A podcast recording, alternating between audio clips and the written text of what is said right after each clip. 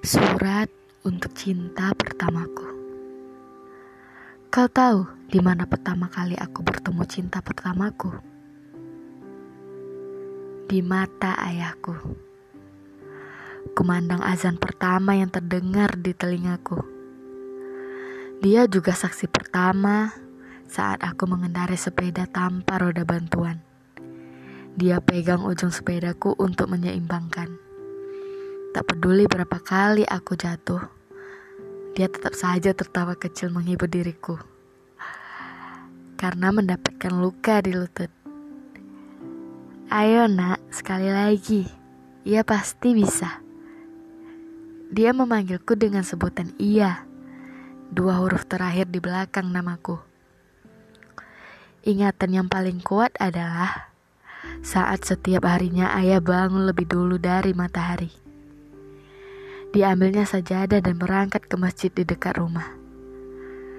Aku mengikutinya di belakang sambil mengantuk. Dalam doa selepas salam ayah berkata lirih dalam hatinya. Supaya Tuhan menjaga keluarganya dan memberi rezeki berlimpah. Lalu di pagi hari, dia bergegas pergi bekerja setelah menyantap masakan dari ibu dibarengi dengan rengekan dariku untuk mengikatkan tali sepatu. Ya, dia yang mengikatkan tali sepatuku hampir tiga tahun lamanya. Untuk yang satu ini, aku selalu kesal dengan ibuku.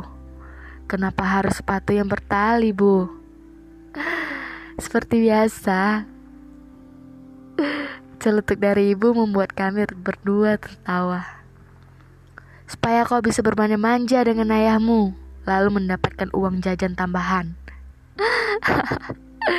Kami berdua tertawa. Iya, begitulah ibuku.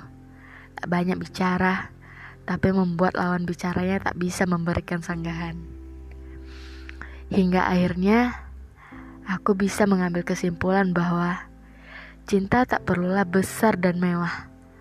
Keistimewaannya adalah ketika cinta itu selalu ada, hadir dengan kesetiaannya yang sempurna.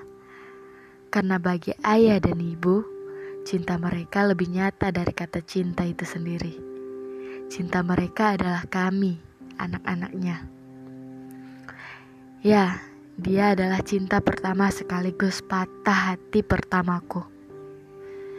Yaitu di saat sosok yang paling kuat dan tak pernah sekalipun mengaduh jatuh terbaring karena kesakitan. Tak pernah kulihat dia begitu lemah seperti itu. Ya Tuhan, jika aku mengingat wajahnya saat itu tentu saja aku tak kuat. Lalu patah hati keduaku adalah di saat azan maghrib berkumandang.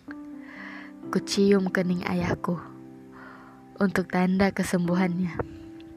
Istirahatnya yang terakhir mengalir air mata dari pelupuknya.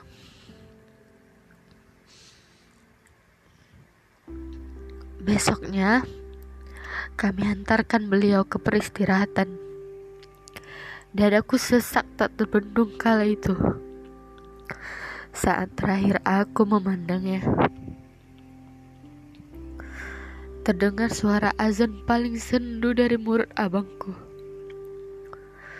Itu adalah pagi yang paling kubenci. Tapi dewasa ini, aku sudah lebih bisa merelakan. Walau sesekali masih berceceran air mata di bantal dan selimut. Tak apa-apa bukan? Cinta pertama dan patah hati pertama tentu saja sulit terlupa. Ayah sudah lebih baik di sana. Apa ada bidadari secantik diriku di surga? Istirahatlah ya. Aku sudah dewasa sekarang. Menjadi gadis cantik dan berusaha menjadi kuat seperti dirimu.